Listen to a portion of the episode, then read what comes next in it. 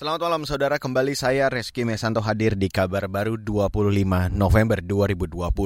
Saudara LSM Koalisi Rakyat untuk Keadilan Perikanan atau Kiara mencurigai banyak aktor politik dan mafia yang terlibat dalam usaha ekspor benih lobster atau benur di Indonesia. Sekjen Kiara, Susan Herawati bahkan menyinggung nama Sekjen Kementerian Kelautan dan Perikanan Antam November dalam pusaran mafia perikanan di Indonesia. Susan mengatakan tertangkapnya Menteri Kelautan dan Perikanan Edi Prabowo oleh Komisi Pemberantasan Korupsi atau KPK memperlihatkan ada kesalahan praktik usaha tidak sehat dalam sektor perikanan. Rasa kalau petanya mungkin terbaca ya, siapa saja parpol di belakang itu, siapa orangnya. Taruhlah beberapa waktu lalu menjadi pertanyaan besar ketika Antam November ini terpilih menjadi sekjen KKP, padahal dari sejarahnya mungkin dia tidak punya track record kaitannya dengan urusan perikanan gitu ya. Harapan terbesar di pisau terakhir ini memang ada di KPK sih, untuk kemudian membredel semua aktor maklar dari hulu sampai hilirnya. Sekjen LSM Kiara Susan Herawati juga mencurigai keterlibatan elit partai politik turut bermain di sektor ekspor benih lobster. Susan memperkirakan para elit banyak parpol di Indonesia turut terlibat izin ekspor benih lobster. Keberadaan mafia perikanan selanjutnya berdampak pada mata pencarian nelayan.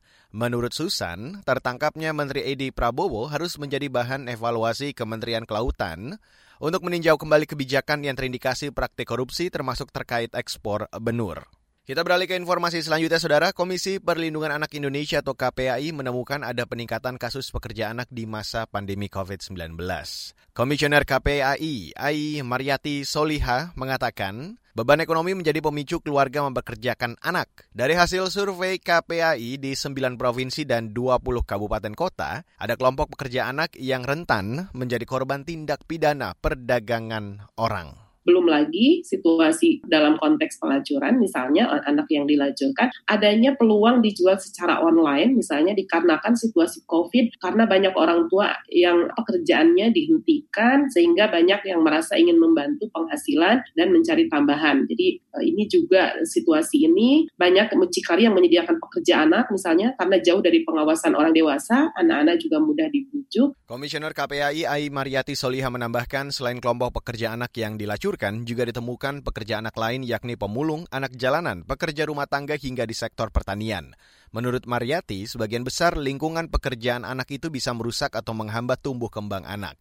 Dalam surveinya, KPAI juga menemukan sejumlah pemerintah daerah tidak memiliki regulasi khusus untuk mengurangi dan menghapus pekerjaan anak.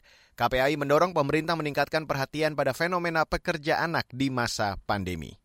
Kita beralih ke lapangan hijau, saudara klub sepak bola Inter Milan versus Real Madrid diprediksi bakal menghadirkan laga yang penuh serangan di laga lanjutan Liga Champions Eropa pada dini hari nanti.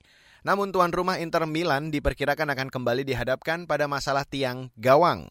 Inter tercatat sebagai tim yang peluang golnya paling sering digagalkan tiang gawang dalam Liga Champions musim ini.